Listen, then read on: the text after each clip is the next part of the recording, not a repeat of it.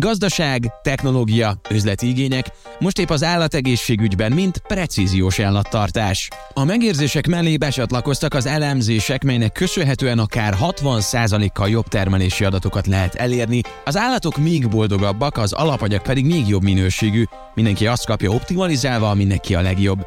A szenzorok megjelenése, az adatelemzés és a digitalizáció tehát itt is win-win szituációt szül. A kérdés már csak az, hogy elég-e ez, hogy megmentsük a Földet, javuljon az állatjólét és ellássuk a 8 milliárdnál is több földlakót a következő években, vagy ennél is radikálisabb változásra van szükség. A mai podcastben ez a kérdés válaszra talál. Ez itt a Refekt, egy podcast a jövőről, a legmodernebb technológia szemüvegén keresztül. A házigazda Juhász Pálint. Jelenleg is az elkövetkezendő években is rengeteg alapvető átalakulásnak lehetünk majd szemtanúi, amire az elmúlt három-négy évtizedben nem volt még példa, ez az állattenyésztés és a mezőgazdaságot is érinteni fogja, de azt is emlegetik a szakemberek, hogy rutinból, hagyományból már nem lehet megélni ezen a piacon. Én azt kérdezném vendégünktől, dr. Pajar Gábortól, hogy még mindig gumicsizmában szaladgálunk az istálóban, ez jelen van-e?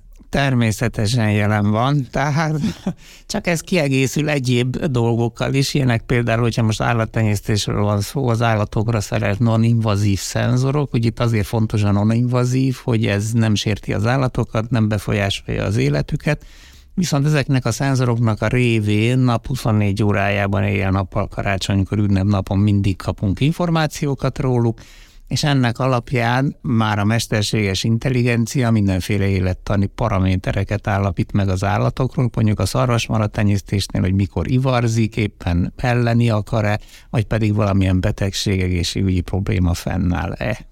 Jó, hát Gábor, akkor a fél podcasttel meg vagyunk, köszönjük szépen. Viccet félretéve dr. Pajar Gábor állatoros adatelemző és informatikus a vendégünk, az Ökológiai Mezőgazdasági Kutatóintézet projektvezető kutatója vagy, állatorvos adatelemző. Egy ma még nem létező szakmai élő képviselője, ez marketing, ez várható, ez te alkottad, ez hogy néz ki, kérlek, kezdjük innen. Ez egy nagyon érdekes dolog.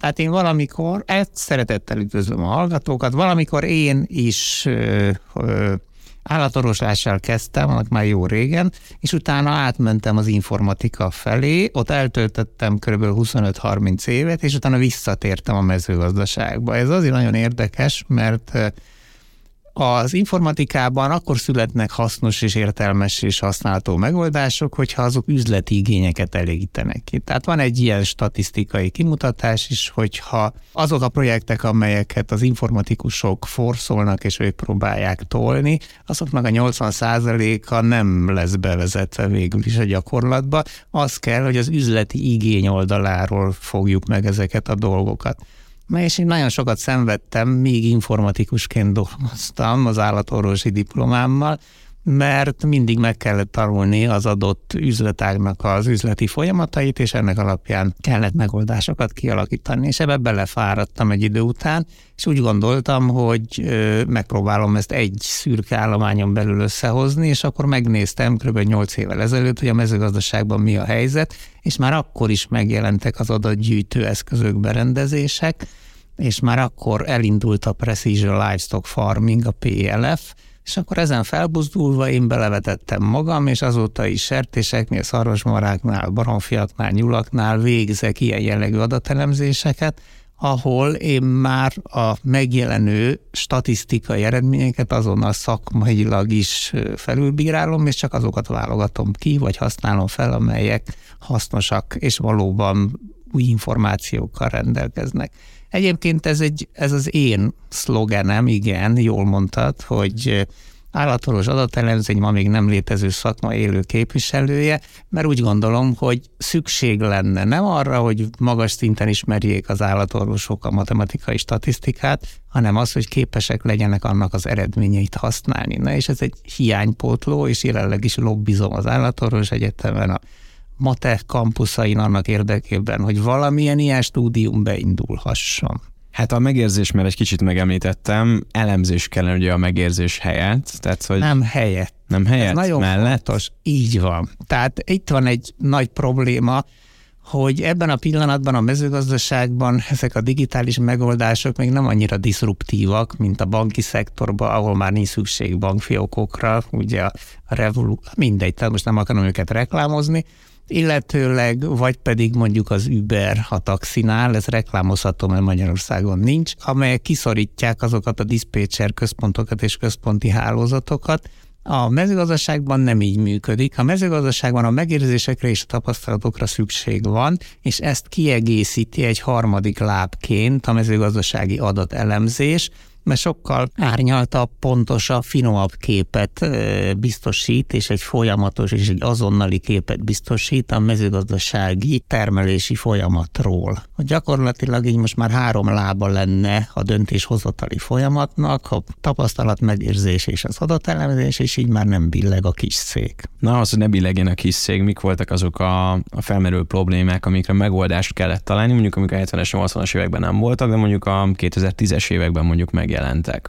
Most a kérdés nagyon érdekes, mert nem olyan problémákat oldunk meg, amelyek akkor nem voltak és most vannak, hanem a régi problémákat oldjuk meg új eszközökkel és új lehetőségekkel. A biológia nagyon érdekes dolog. Tehát az, hogy én először az állatorvos egyetemet elvégeztem, utána elmentem az informatika megtanulása felé, amit végül is mindenféle iskola nélkül az internetről tanultam meg. Ezt nem lehetett volna fordítva megtenni. 20-25 év alatt a biológia szinte semmi semmit se változott, jó genetikai képességek változtak, de az alapvető élettani folyamatok nem változtak, míg az informatika iszonyú minőségű fejlődésen ment keresztül. Tehát, hogyha én 30 évre kilépek az informatikából, már nem tudok visszalépni, de az állatorvoslásba vissza tudtam lépni, amikor elmentem az egyetemre, nagyon érdekes volt, és beszélgettem a volt tanáraimmal, vagy pedig az újabb ott dolgozókkal, akkor csodálkoztam, hogy mintha most hagytunk volna ebbe egy 30 évvel ezelőtt megkezdett beszélgetést, és mondtam is nekik, hogy ez hogy lehetséges, és mondták, hogy hát ez úgy lehetséges, hogy a biológia közben nem változott, úgyhogy mindent lehet használni, amit akkor megtanultam. Tehát olyan problémákat oldunk meg ezekkel a digitális megoldásokkal, és most beszéljünk konkrétan a szenzorokról,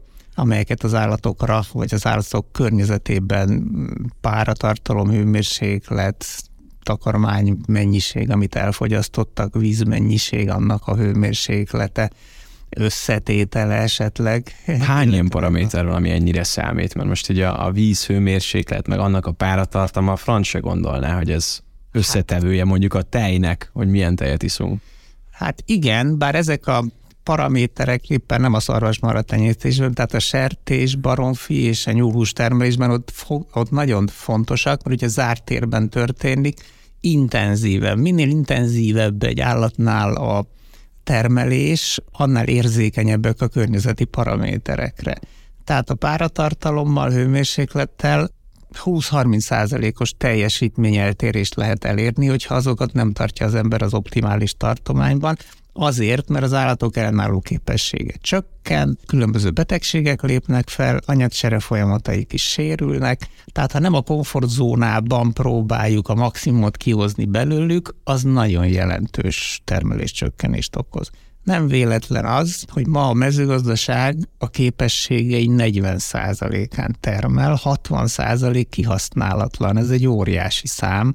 Ezt a világ közgazdászai számolták ki, tehát ez nem csak Magyarországra, ez a világ mezőgazdasági termelésére is igaz, és ezekkel a módszerekkel próbálunk ezzel, ezen segíteni, javítani. Ezzel most azt mondod, hogy van elég föld, csak jobban kellene mondjuk kihasználni a termőterületeket, hogyha egy kis.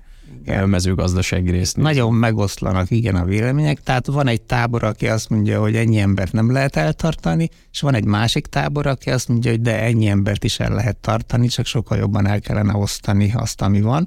És akkor még van egy harmadik tábor, aki, amelyik nem ebben a kettőben nem foglal állást, de azt mondja, hogy hát fiúk, a képességekben még 60 százalék hátra van, amit ki lehetne használni. Egyébként a másik precíziós gazdálkodási vonal az érzékelők felhasználása mellett pedig az az méretetlen mennyiségű adat, ami egyébként is keletkezik, nyilván azokat is többnyire érzékelők biztosítják, de hát akár a könyvelési, takarmányösszetételi adatokat is lehet használni, amelyeket ugye már évtizedek óta gyűjtenek és készítenek és ezekből az adatelemzésekből olyan összefüggéseket lehet feltárni, amelyek eddig rejtve voltak. Tehát például, hogy bizonyos betegségek mielőtt fellépnének, milyen paraméterek változnak meg, vagy honnan lehet ezt előre jelezni, és ez nem feltétlenül az állatokra szerelt ö, érzékelők segítségével mondható meg, hanem akár a környezeti paraméterekből is megmondható, hogyha azok elkezdenek nem megfelelő irányokba elmászni. Mindenféleképpen szeretnék majd beszélni veled a digitalizáció nyers adatairól, és hogy milyen döntések jönnek ebből, viszont még tényleg alapoznék egy kicsit, mert ilyen felhangok vannak, hogy kimerül a talaj, meg nem tudom, nem hagyják eléggé parlagon, tehát nem pihentetik, és hogy ezek okoznak olyan problémát, hogy már nincs megfelelő minőségű tápanyag, amit mondjuk takarmányozásra lehet használni. Ezzel hogy állunk? Na, hát ezzel nagyon jól állunk, mert ez most egy olyan téma, ami rettentően időszerű, népszerű, és nem csak, hogy a mezőgazdaságban divatos, hanem nagyon fontos is. És hogyha most éppen a talajról beszélünk, nem ugye nem feltétlenül az én szakterületem, de az Ökológiai Mezőgazdasági Kutatóintézet, ahol dolgozom, ott ez egy nagyon hangsúlyos dolog, a regeneratív talajművelés és talajgazdálkodás, nem tudom, hallottál erről? Hallottam szerencsére. Na, szuper. Tehát a regeneratív gazdálkodás az azt jelenteni, hogy a termőföldnek a mértékét, vastagságát, minőségét, azt maga a gazdálkodás nem rontja, mint amely jelenlegi helyzet, hogy évente x milliméterrel csökken a föld termő, talaj, termőtalaj rétegének a mértéke, egy iszonyú nagy szám egyébként, ha már ez milliméterekben mérhető, hanem ezek gazdagodnak. Na most ebben a gazdagodásban megint szerepük van a, az állatoknak is, mert számos olyan módszer van, amelyel ezt a regeneratív gazdálkodást lehet javítani. Ilyenek a például a gabonaföldeknek a legeltetése, még a friss hajtás időszakában ősszel, mert ez nem csak a rágásnál, ezek fűfélék, a búzafélék, és a rágás után a gyökerük vastagabb, erősebb lesz. Tehát utána egy jobb és erősebb hajtás indul ki, indul el. A másik pedig, hogy ezek az állatok trágyáznak, tehát így a tápanyag utánpótlást is biztosítják, de a regeneratív gazdálkodásnak az egyik kulcs momentuma az a forgatás nélküli talajművelés. Tehát eh, amikor az ember például elmegy az Agromos Expóra, vagy valami hasonló kiállításra, akkor olyan gépeket lát, hogy eláll a lélegzete, tehát ilyen 5-10-20 tonnásakat. Most el lehet gondolni, hogy amikor azok rámennek a talajra, azok milyen iszonyú tömörítést hajtanak végre, és olyan erővel rendelkeznek, hogy fél méter mélyen megforgatják a talajt. Csak hogy most már úgy tűnik, hogy nem ez lesz a jövő, legalábbis úgy gondoljuk, hogy ez nem tudja a termőképességét a talajnak megőrizni, hanem ez jelentősen rombolja. Akkor itt lesz egy érdekellenállás, úgy érzem a következő években. Nem, én nem úgy gondolom. Tehát én nem érdekellenállásra ö, utazom. Én azt szeretném, hogyha párbeszéd alakulnak ki. Tehát szükség van a gépekre eddig végeztünk valamilyen gyakorlatot. Ennek a gyakorlatnak lett valami eredménye. Most akkor az eredményekből leszűrhetjük, hogy ez jó irány volt, vagy nem. És ha nem volt jó irány, akkor esetleg mozdulhatunk másfelé úgy, hogy ezeket a gépeket valami más hasznosabb területen használjuk. Tehát nem gondolom, hogy itt kiszorítósdinak kellene. Én nagyon az együttműködés pártján vagyok minden tekintetben. Forduljunk rá a biológiára, amire azt mondtad, hogy nem nagyon változik. Az állatok genetikájával mi a helyzet? Mert hallani nagyon sokféle hibrid fajtáról ilyen-olyan kitenyésztet már nem is úgy néz ki, mint a mi biológiai könyvünkben található csirke, tyúk, tehén, Hát azért csodálkoznék, ha nem úgy néznek ki, mert négy lába, meg két füle van, meg Ennyi elég? Szárnyas. Hát ha kinézetet nézzük, akkor igen. Tehát egyébként a belső felépítésük sem változott, az anyagcseréjük sem változott. Tehát ugyanúgy a citráciklus határozza meg az energia körforgás, most csak egy ilyen hülyeséget mondjak. Nem. Ők abban változnak, hogy a bizonyos tulajdonságaik túl növekednek. Például ez a hízott kacsamáj, libamáj. Gyakorlatilag az azt jelenti, hogy az állatokat olyan körülmények között tartják, hogy az állatoknak a, ez a bizonyos belső szerve, ez uh, ilyen extra zsírtermelést biztosítson. Most ezt el lehet úgy is érni, hogy az állatoknak ez valóban problémát okoz, tehát szenvednek, de el lehet úgy is érni, hogy nem, nyilván akkor egy alacsonyabb zsírtartalommal. Vagy amikor tejtermelésről van szó, akkor annyi tejet adna egy tehén, amennyivel eltartja a borját. Most viszont annak a többszörösét kérik. Vagy a disznók esetében ugye 8-10 malacot ellenek a vaddisznók, most ehhez képest már 15-16-18 malacot ellenek ezek a kocák. Tehát a genetika tulajdonképpen ebbe az irányba indult el, hogy ilyen, ilyen extra paramétereket hozzon ki belőlük. Ez van, ahol hasznos, valahol nem. Az állattenyésztésben még nem igazán terjedt el a génsebészet, tehát is sokkal kisebb mértékű. De amikor a Mendeli klasszikus ö, csodatölcsér kísérletekről beszélünk, hogy ilyen színű virágja, meg olyan színű virágja van, és utána ő a különböző ö, növényekkel, egyikkel a másikkal porozta meg a másikat, ő ugyanezt csinálta, csak nem ezt a CRISP technológiát használta, amit mi, hogy hol vágjuk el. Itt sokszor volt egy probléma, hogy korábban ilyen vírusvektorokat használtak arra, hogy ezeket a DNS töredékeket egyik egyedből a másikba átvigyék. Ilyenkor lehetett arra számolni, hogy itt esetleg valami vírusfertőződés is megmarad. De abba, onnantól kezdve, hogy már kémiai úton elvágják a DNS-t, kiszednek belőle darabot, vagy egy másik, de ellenőrzött DNS szakaszt raknak a helyébe, és úgy forrasztják össze őket, itt már ilyen jellegű probléma nem áll fenn, tehát ettől már nem kell félni. Tehát én úgy gondolom, hogy itt is egy ilyen szemléletváltozás, hogy csak azért, mert a genetikai kódot ilyen módon szerkesztjük, most már tényleg ilyen sebészi pontossággal, adott bázispárnál meg lehet szüntetni a kapcsolatot, egy másiknál létre lehet hozni. Ezáltal az a veszély, amitől korábban féltek, az gyakorlatilag nulla. És hogyha így létre tudunk hozni olyan ö, élőlényeket, amelyek nekünk hasznosak, akkor miért ne? Ugye mondok egy példát, az inzulin, amelyik a cukorbetegeknek, hát a súlyos cukorbetegeknek a napi életben maradásukhoz szükséges, ezt ma már Escherichia coli állítja elő, ez nem probléma? Az mit jelent? Hát ez azt jelenti, hogy egy baktérium, egy bélbaktérium állítja elő az inzulin, és ezt az orvosi gyógyászatban hivatalosan engedélyezik, használják, mert próbálták sertéssel, ezzel, azzal, amazzal, de egyik sem volt megfelelő. Ezzel viszont nagy biztonsággal és nagy tömegben tudják előállítani, és egy kiváló gyógyászati anyag. Tehát, hogy ott, és ahhoz, hogy az eseri a kóli inzulint állítson elő, nyilván bele kellett avatkozni az ő genomiába. Fogunk még a biológiai ilyen vetületeiről beszélni, mert azért az állatjóléthez hozzátartozik az, hogy kevesebb betegség, kevesebb antibiotikum szükséges a precíziós állattartásban, de hogy hogyan jutunk el oda.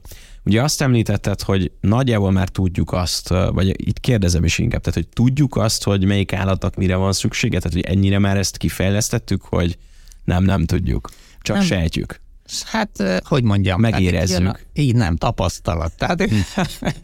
Tehát a tapasztalatok alapján, és végülis amikor a kutatók dolgoznak, mindenféle kísérleteket állítanak be, és ennek alapján ö, állapítanak meg dolgokat, tehát az is egy tapasztalat, csak ez egy jó ellenőrzött körülmények között történő tapasztalat, ezt megjelenítik különböző írásokba, és ennek eredményeként meg is lehet ismételni ezeket a tapasztalatokat nem, nem vagyunk tisztában azzal, hogy mik az állatoknak a teljes élettani igényei. Tehát szintetikus módon állatot nem tudnánk se etetni, se létrehozni, se fenntartani, tehát a biológia nagyon egy komplex dolog. Egyébként növényekkel is hasonló. Ugyan próbálkoznak ott teljesen szintetikus megoldásokkal, aztán hol sikerül, hol nem, de most ebben nem akarok belemenni. De egy nagyon jó dolgot mondtál, és ez egy nagyon jó példa volt, és ez a növénytermesztésre, állattenyésztésre egyaránt igaz, hogy optimális körülmények között lehet előállítani optimális eredményeket. Tehát csak az egészséges egyedek fognak extra teljesítményt hozni, hiszen magunkon is tudjuk, ha beteg vagyunk, akkor a munkavégző képességünk az jelentősen visszaesik, és ez ezt jelenti, hogy állatok esetében is, ha az állati jóléti követelményeket biztosítjuk, akkor jobb eredményeket érünk el. A környezetvédelem pedig azért fontos, hogy ezt tartósan is meg tudjuk tenni. 60-70 évvel ezelőtt is még az volt az uralkodó szemlélet, hogy a természetet le kell igázni. Nem, a természettel együtt kell élni. Tehát mi is a természet részei vagyunk, és ha megszüntetjük azokat az életfeltételeket, amelyek számunkra is szükségesek, akkor ugye magunk alatt vágtuk a fát. Hát meg a természet leigáz bennünket. Hát illetőleg az a fagyi visszanyal, tehát gyakorlatilag megszűnnek azok a lehetőségek, amelyek a mi életfeltételénket is biztosítanák. Egyébként ez nagyon messze vagyunk, hál' Istennek ettől. Most egy kicsit túl van fújva ez a környezetvédelmi probléma, tehát senki nem tudja azt, hogy az ember vagy az élővilág alkalmazkodó képessége milyen mértékű. Egy példát tudok ezzel kapcsolatban mondani, Csernobil.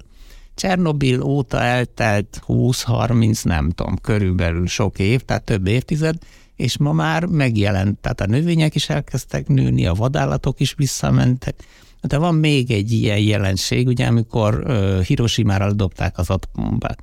És akkor azt mondták, hogy ott akkor most csak ilyen is a mennyiségű torszülött ember fog születni, és egyszerűen nem. 1945-ben dobták le az atomot, és nem torszülöttekkel van tele Japán. Tehát a biológiának a javító képessége az egy felbecsülhetetlen mértékű ebben a pillanatban számunkra. Ami nem azt jelenti, hogy ne vigyázzunk a természetre, csak próbálj meg okosan tenni hát akkor vigyázzunk a mi saját állatainkra, és vizsgáljuk őket. Most abban kérném a segítséget, hogy menjünk egy kicsit végig azon, hogy milyen adatokat lehet gyűjteni a digitalizációnak köszönhetően. Tehát, hogy van már például egy bendő bólusz nevezetű extra dolog, amit az utóbbi években alkalmaztok, ez egy ilyen valós idejű jeladóker, ami a kapszulában az állatka lenyeli, és milyen adatokat kapunk ebből.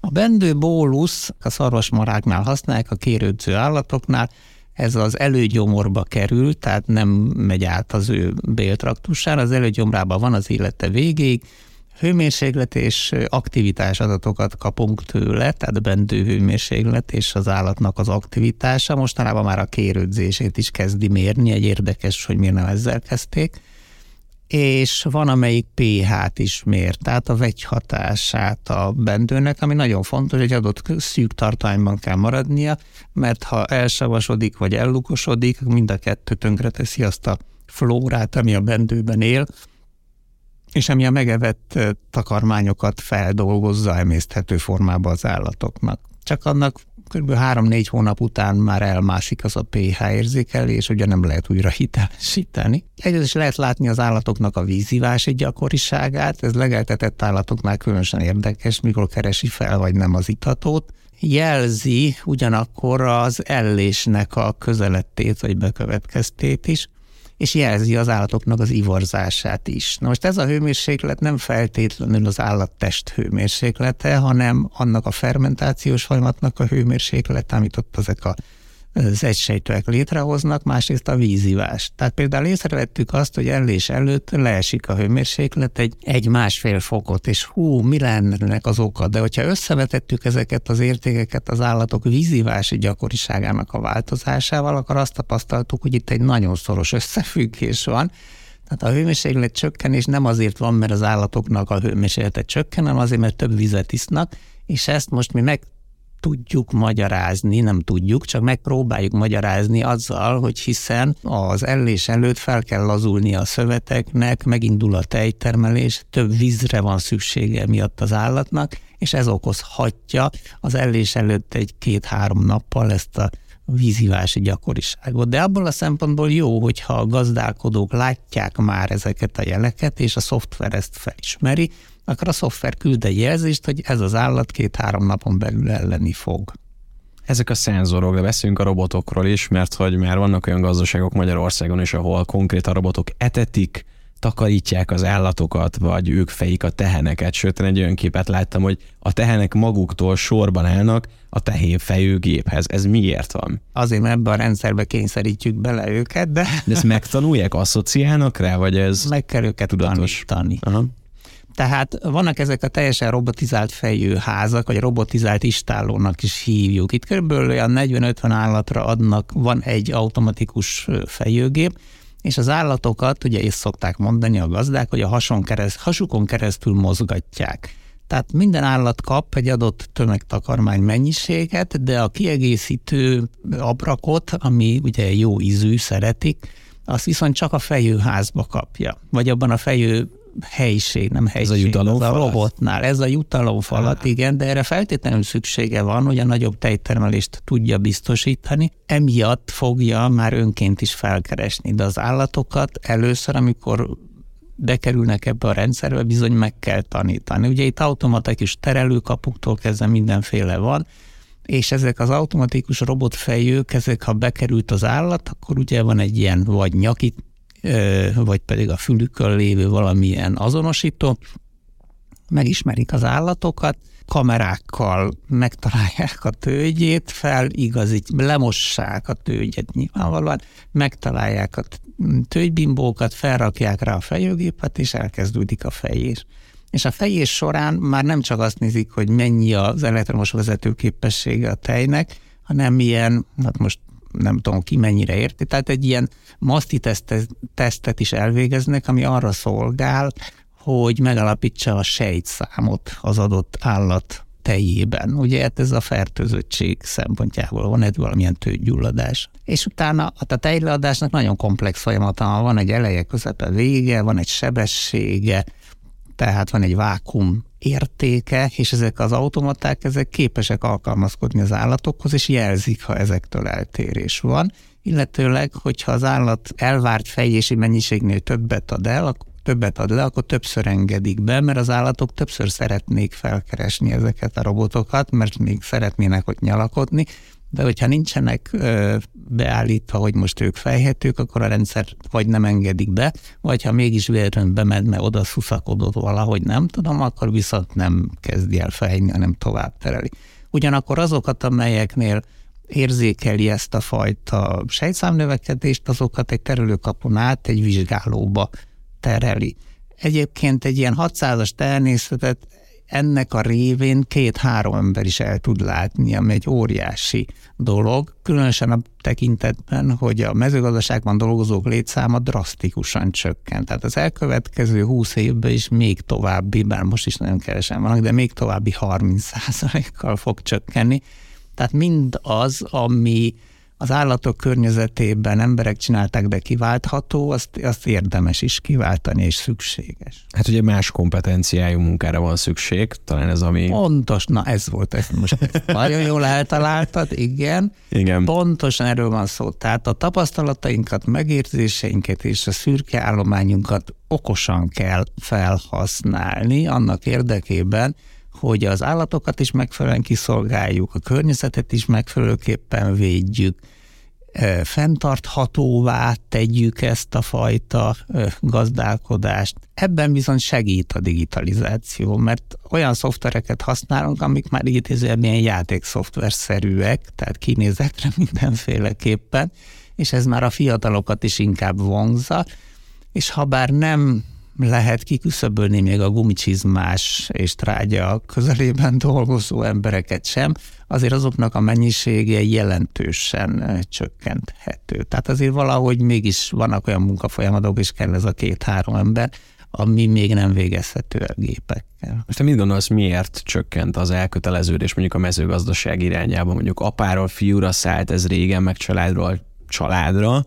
Talán ez, hogy kikopott, nincs elég föld, nem elég vonzó a tablet és az okostelefon, ami ott van a mezőgazdaságban, vagy esetleg a pénz az, ami nem annyira Hát jó.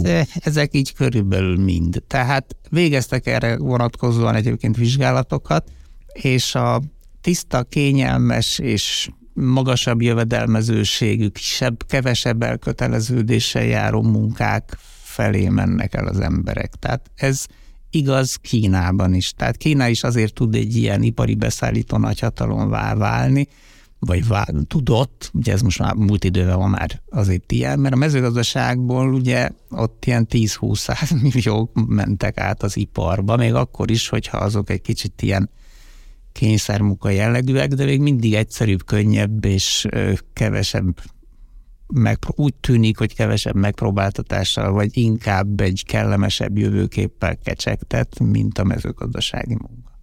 Igen, az érdekelne, hogy mondjuk ez a sok befektetett erőforrás, hogy robotizáljuk a telepet, ez mennyire térül meg, mert gondolom ennek szempontnak kell lennie, hogy hatékony legyen, vagy optimalizáljuk ezeket a termeléseket, vagy növeljük a termelést. Én egy olyan adatot, adatot találtam, én egy olyan adatot találtam, hogy egy mai tejelő tehén akár 12-13 ezer liter tejet is termel egy ilyen 10-11 hónapos igen, igen, tehát a 305 napos tejtermelési érték, ez így is van. Tehát ezt meg is termelik, de nem csak ez az érdekes, hanem az, hogyha egy nem robotizált telepből robotizáltat ö, állítanak elő, vagy modernizálják, új épületeket húznak, vagy a meglévőeket átalakítják, akkor a, az első betanítási év után a második évben 20-30 kal is nő a te- megtermelt tejmennyisége, miközben az élő munka jelentősen lecsökkent.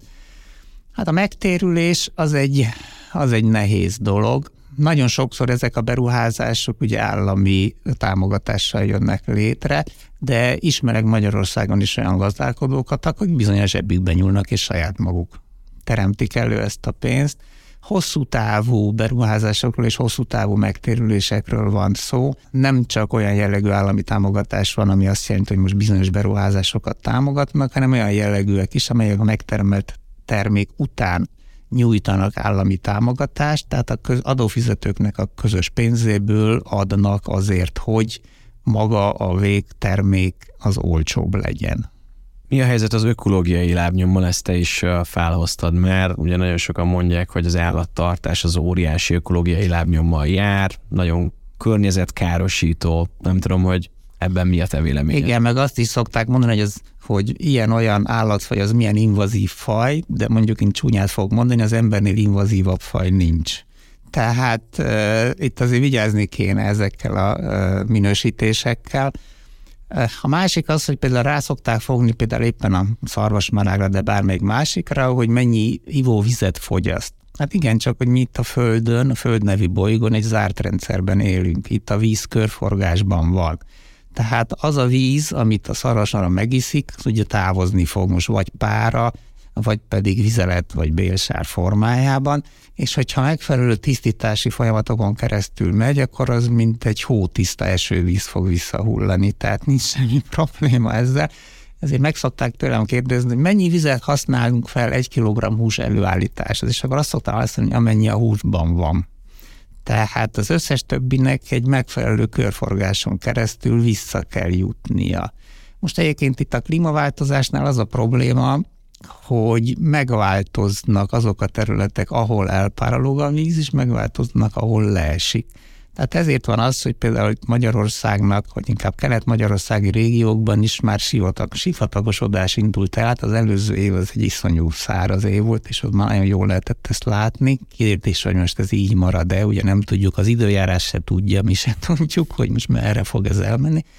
De ez azt jelenti, hogy ez a víz máshol fog leesni. Tehát máshol fognak kialakulni olyan területek, ahol ezt érdemes. A probléma az, ha ez az óceánok felett esik le, mert ott ugye nem tudjuk használni. Az érdekelne engem, hogyha már így az ökológiai lábnyomról beszéltük, hogy mi emberek tudunk-e ez ellen valamit tenni, akár segíteni az állattenyésztést, a mezőgazdaságot, a föld bolygó egyensúlyát, akár gondolok itt arra, hogy vegánok leszünk, és mondjuk nem fogyasztunk húst, ebbe van-e beleszólásunk ezzel a döntéssel? Nyilvánvalóan van, mert mindenki azt semmit akar, tehát hogyha akarok, akkor én mostantól kezdve már csak spenóton élek. A kérdés, hogy meddig fog ez sikerülni. Egyébként én azt gondolom, hogy a legnagyobb probléma így a, a, a vegán emberekkel kapcsolatban az, hogy nekik nem a fe, az állati fehérje ellen van bármilyen kifogásuk, hanem az ellen a módszer ellen, ahol ezt az, ahogy ezt az állati fehérjét előállítják.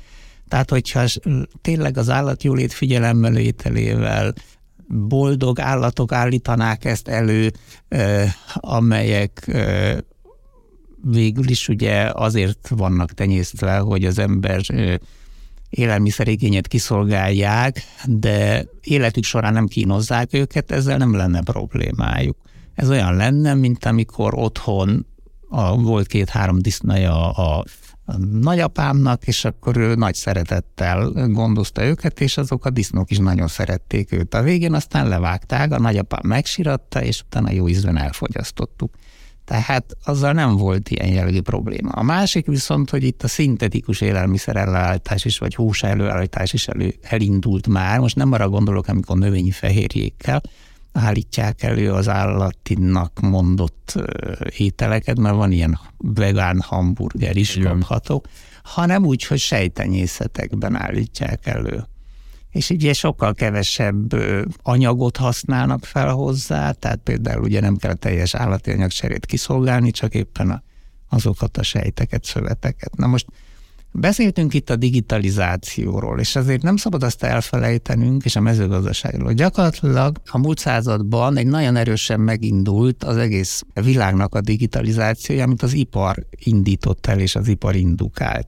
És ennek az ipari digitalizációnak a következménye a mezőgazdasági digitalizáció, hiszen a mezőgazdaság digitalizációnak akár a szenzorokról beszélünk, akár a számítástechnikai adatfeldolgozásról beszélünk, mindenféleképpen ezeket a, az ipari forradalom előnyeit használjuk fel. És nem véletlen, hogy ugyanott tart az ipar, mint a mezőgazdaság, ami azt jelenti, hogy az ipar is már a digitális forradalomnak az ötödik fázisában van, és a mezőgazdaság is az öt nullában tart. Tehát nagyon gyorsan követi egyik a másikat, hiszen egymást forszolják. Illetőleg inkább az ipar után megy a mezőgazdaság.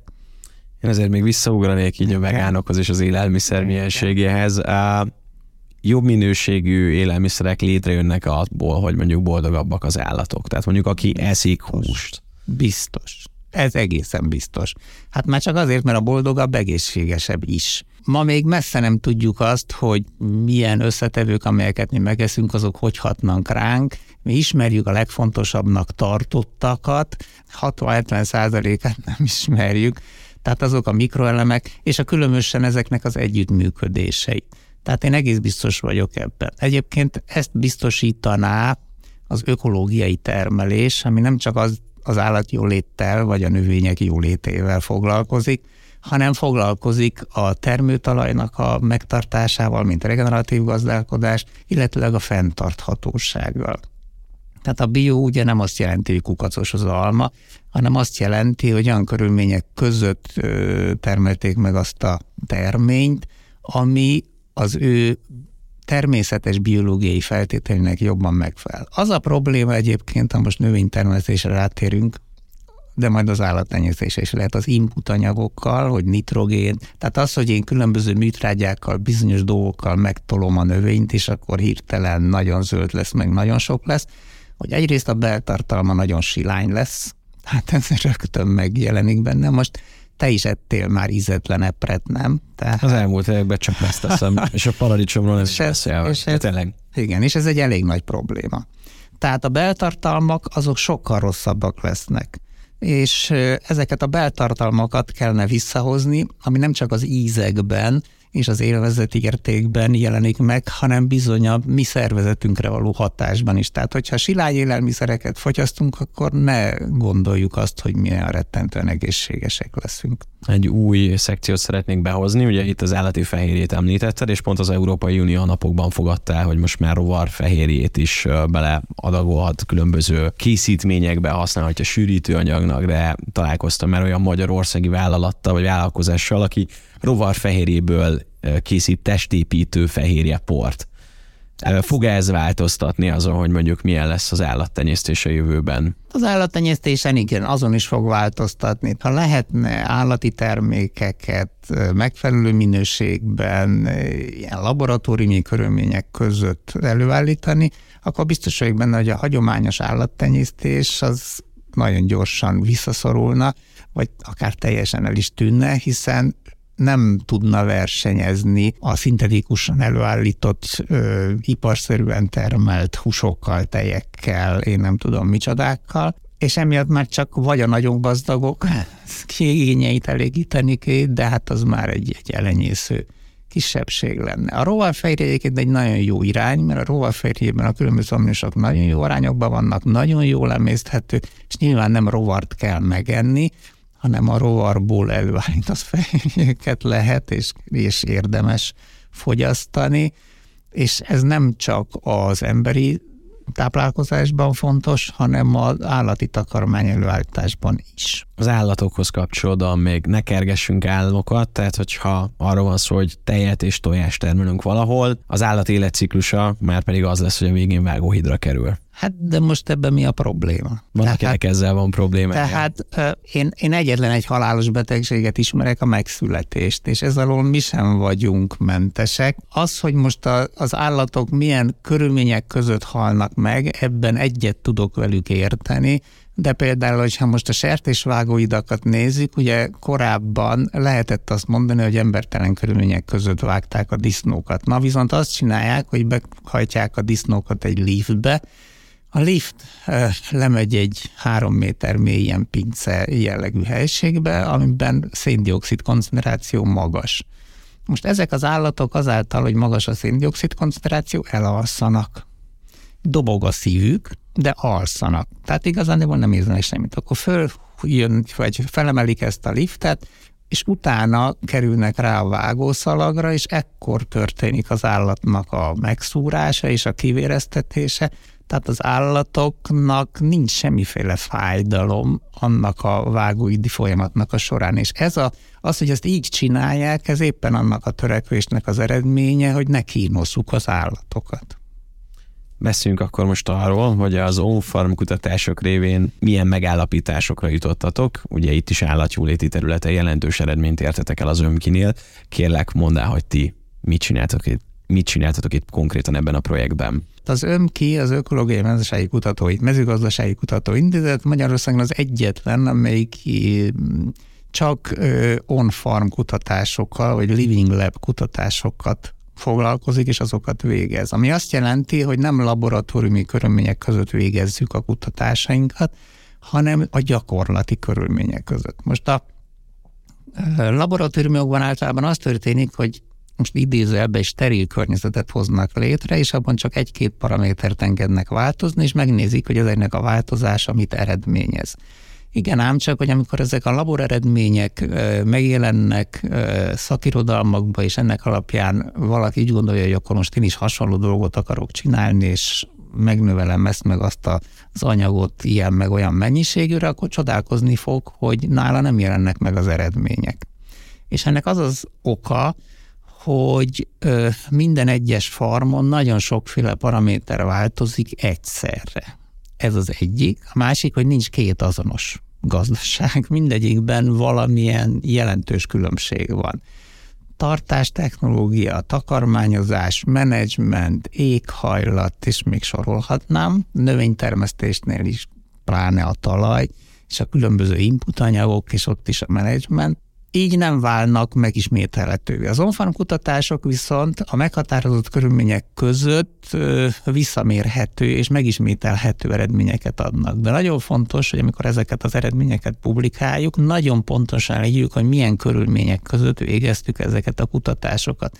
Hogyha valaki meg akarja ezt ismételni, és mondjuk hasonló eredményt akar elérni, akkor annak nagyon oda kell figyelni, hogy ezeket a környezeti tényezőket valamilyen hasonlóképpen állítsa be, vagy próbáljon erre törekedni. Ez nem azt jelenti, hogy egy ilyen farmokat kell létrehozni, hanem azt, hogyha neki nem jönnek valamilyen eredményei, amiket ő szeretne, akkor meg kell nézni, hogy milyen különbség, milyen eltérés volt. Az élő laboratórium az azért nagyon jó, mert ez sokkal közelebb áll a farmerekhez, a gazdálkodókhoz, tehát itt nem arról van szó, hogy én soha nem fogok tudni egy labor körülményeket létrehozni, mert mi nem feltétlenül kiemelt gazdaságokban dolgozunk, tehát akkor ez a húsmarhás kísérlet, amit most éppen az állattenyésztési szekció végez Zala megyében, Várvölgyben, a, e, egy 120 tehénen, saralé húsmarhán és annak a szaporulatán vannak ilyen érzékelők, ez nem egy extra. Inkább azt mondanám, hogy igen, csak egy extenzív körülmények között gazdálkodó, hagyományos régi épületekkel, mialmos istálóban, kevés emberrel, legeltetett Natura 2000-es területen, a mi eredményünk tulajdonképpen az ebben a húsmarás kísérletben, hogy a tejelőtermészetekben használt érzékelőket szereltük az állatokra. Most többet is, ami ugye nem szokványos, hogy megtaláljuk, hogy melyik érzékelő adná a legjobb adatot. Itt van az egyik bólusz, amit már említettél, az a bendő, de vannak ö, nyak, pántok is, azokon is vannak aktivitás érzékelők, illetőleg pedométer a lábukon is van. Ezen kívül GPS-el is fel vannak szerelve, tehát így a legelőbb való mozgásokat is tudjuk követni. Láthatóvá tesszük ezzel tulajdonképpen a láthatatlan, mert az állatok közelében, amikor azon kívül, hogy hajtják őket egyik legelő területre a másikra, nem igazán van ember. Így viszont pontosan látjuk azt, hogy az állatok hogy viselkednek, a legelő állateltartó képessége, hogy alakul, át kell egy újabbra hajtani, illetve hogyha valamelyik állat már nagyon kritikus tüneteket mutat, akkor azt kiválogatják, behajtják. A szenzoroknak köszönhetően például nem volt ö, a legelőre állat elhullás. Korábban sajnos volt, hogy már csak a halott állatot találták meg a legelőn, de most ilyen nem fordult elő. Ugyanakkor a legelő kihasználása is jóval pontosabb lett, sőt, az ivarzási jelek alapján, amiket a szenzorok mérnek, ennek alapján már azt is meg tudtuk mondani, hogy körülbelül a vemhesülés arány milyen lesz. Ugye a húsmaráknál ez nagyon fontos, hogy minden évben adjon egy borjút, tehát ott ilyen jóval 90% fölött kell ennek lennie, itt már pár százalék is probléma, és hogyha ilyen jellegű problémát tapasztalunk, akkor szólunk, vagy jelezzük, és adott esetben évközben, ugye háremben vannak tartva, tehát bikákkal együtt a legelő, bika cserérére is sor kerülhet, például, hogyha valamelyik bika nem túlságosan aktív. És akkor ezt így kap a gazda egy notification a telefonjára, hogy akkor most cserélt ki a két bikát, vagy azért megy még a telefon, vagy ez nálad villog egy ilyen piros kijelzőn, ez hogy működik? Tehát ezek a szoftverek még nem tartanak ott, hogy mint a mobiltelefonokon a Siri és társai, így megbeszéljék veled a problémákat. Tehát ezeket értelmezni kell. Ez nem azt jelenti, hogy matematikai formulákat kell értelmezni, hanem azt jelenti, hogy az így megjelenő idézőjelben ez a játékszoftverszerű szoftver feleten lévő jeleket egy kicsit a szakma szempontjából meg kell rágni, mint egy szakértőnek. És ezért mi azt csináljuk, hogy minden reggel, vagy nem tudom, reggel 6 óra az reggel vagy hajnal, de mondjuk a kora reggel, akkor mi megnézzük minden egyes nap, karácsony, szilveszter mindig, hogy milyen adatokat adott az előző napról, milyen adatokat adtak a rendszerek, és ennek alapján megmondjuk, hogy van-e olyan állat, amivel valamit tenni kéne, megmondjuk azt, hogy milyen az átlagos kérőzés szám, legelőváltásra szükség van-e, illetőleg ha olyan jellegű problémát észlelünk, hogy ilyen jeleket kapunk, amiről nem tudjuk, hogy micsoda, akkor felhívjuk a figyelmet, hogy menjenek ki és nézzék meg, hogy ott most tulajdonképpen mi van.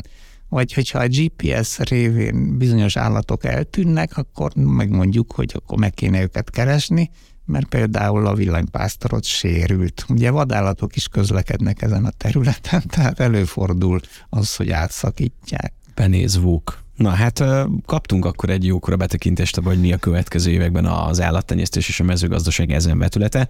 Abban segíts még kérlek, hogy a következő napokban lesz egy konferencia, mert nagyon aktuális a podcastünk.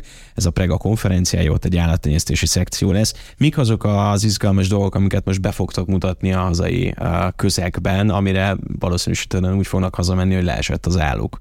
Itt több dolgot látok, nem tudom, például istálló technológia, istálló szenzorok újabb fejlesztései, esettanulmányok, ez mind az, amiről beszéltünk?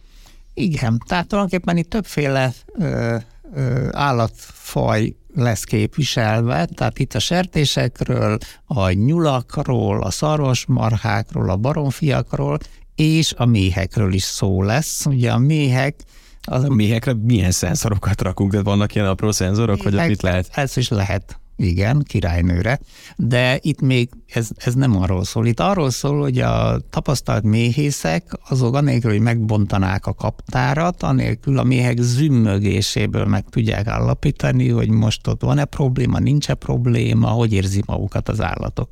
És tulajdonképpen csak a kaptár falára vannak ilyen ö, mikrofonok rögzítve, és ezeket érzék, értékelik ki a mesterséges intelligencia. Hát nyilván be van tanítva, és ennek alapján, annélkül, hogy megbolygatnák a kaptárat, nagyon pontos információkat kapnak. Ez azért nagyon fontos, mert minden egyes kaptár bolygatás az x kiló mézzel kevesebb jelent. De stresszesek lesznek a méhek. Hát igen, akkor meg vannak ők zavarva, akkor megvan az egész bolygatva, nem tudják, hogy mi van, költözni kell, nem kell költözni, mi történt. A bolygatás nélküli tartás. De egyébként most már olyanok is vannak, hogy sokszor ugye a méhészek, most ha méheknél vagyunk, de ilyen a digitális állattenyésztés akármelyik másik területen is, Ugye GPS-ek is vannak, meg mozgásérzékelők is vannak ezekre a kaptárakra szerelve, mert nagyon sokszor kihelyezik őket területre, és ebből lehet látni, ha valaki el akarja őket vinni, mert az lopások bizony előfordulnak. Wow, az igen.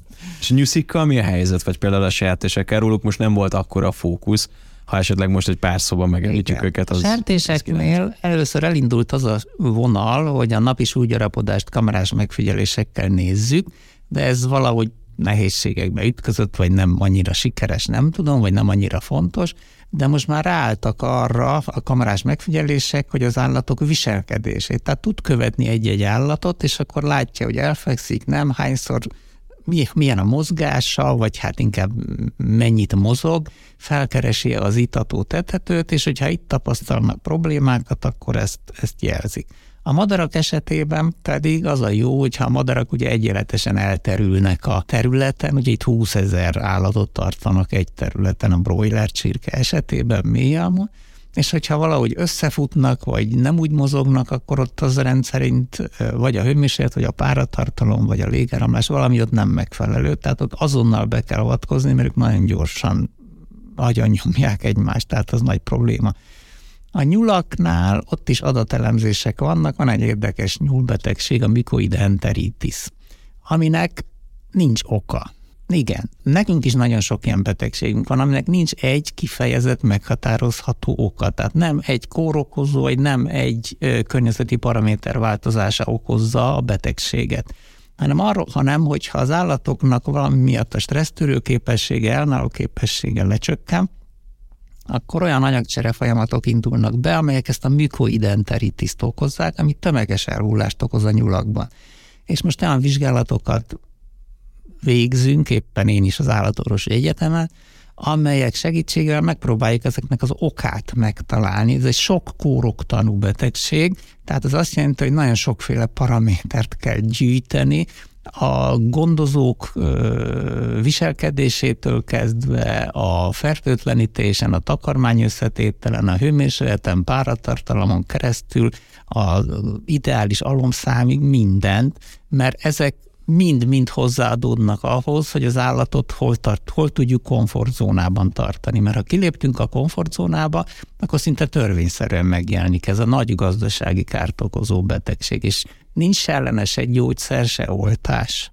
Na, erre jó a digitalizáció, hogy ilyeneket megtalálj. Itt a végszó. Hát köszönöm szépen, szerintem a szemléletünk biztos, hogy formálódott, a vegánok remélhetőleg nem fognak blackmailezni az e-mail címeden. Nekem nagyon tetszett a gondolatmeneted. Dr. Pajor Gábor állatorvos adatelemző és informatikus volt a mai vendégünk, az Ökológiai Mezőgazdasági Kutatóintézet projektvezető kutatója. Nagyon szépen köszönöm, hogy itt voltál. Köszönöm a lehetőséget. Ti pedig nem menjetek sehova, két hét múlva ismételten jövünk egy újabb podcast epizóddal itt a Reflectben, addig pedig kérlek értékeltek bennünket a Spotify-n és az Apple Podcastben, nagyon számítunk a jelenlétetekre. Hamarosan pedig egy csomó tök jó információt hozunk azzal kapcsolatban, hogy a Reflect hogyan fogja még jobban formálni a technológiai fejlődést és a jövőt. Erről majd a következő podcast epizódban addig is mindenkinek minden jót! Ez volt a Refekt, Juhász Bálintal. További tartalmakért, epizódokért keres bennünket a Spotify-on, az Apple Podcastben és a további podcast platformokon.